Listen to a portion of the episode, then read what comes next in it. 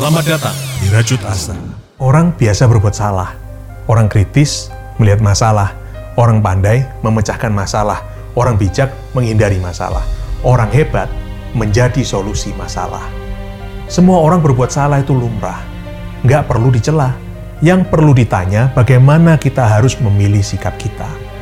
Hari ini kita coba sedikit berbeda. Mari kita bicara sedikit ilmiah. Manusia memiliki tiga jenis respon saat merasakan bahaya. Fight, melawan. Freeze, berdiam. Flight, melarikan diri. Reaksi ini seakan terprogram di dalam setiap kita sebagai sarana untuk menyelamatkan nyawa. Semua berawal dari bagian otak yang namanya amigdala, yang salah satu tugasnya adalah memberikan rasa takut pada kita.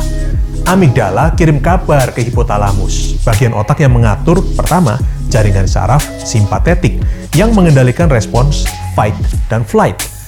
Juga yang kedua, saraf parasimpatetik yang memerintahkan diri kita untuk freeze atau berdiam. Di saat yang sama, tubuh kita diperintah untuk mulai merapatkan barisan, bersiap menyambut bahaya. Detak jantung semakin cepat, pernapasan semakin cepat saat fight atau flight, dan justru tertahan saat kita memilih untuk freeze. Mata kita mendadak menjadi lebih sensitif dan kita semakin peka terhadap kondisi di sekitar kita. Demikian juga dengan telinga kita. Darah kita mendadak mengental untuk mencegah pendarahan apabila kita sampai terluka. Kulit berkeringat dan menjadi dingin. Kaki dan tangan menjadi dingin karena aliran darah mendadak diperintahkan untuk mengalir ke bagian otot utama di dalam tubuh. Saktinya, saat ini terjadi, kita mendadak menjadi lebih tahan sakit. Wow!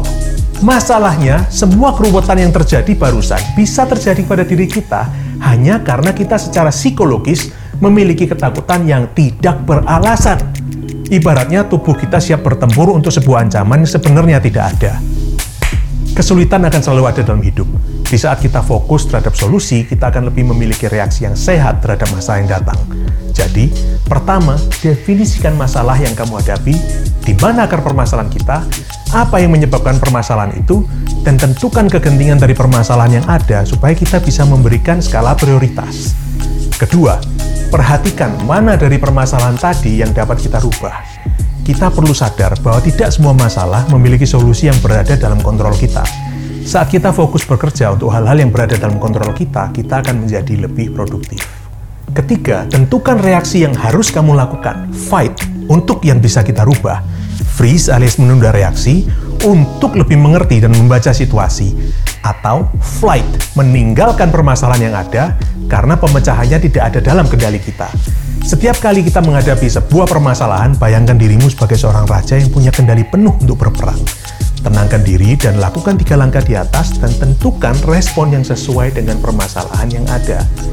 Hindari ngelawan nyamuk dengan rudal atau kegilaan-kegilaan lain yang mungkin timbul karena ketakutan yang tidak beralasan. Selamat mencoba, selamat merajut asa.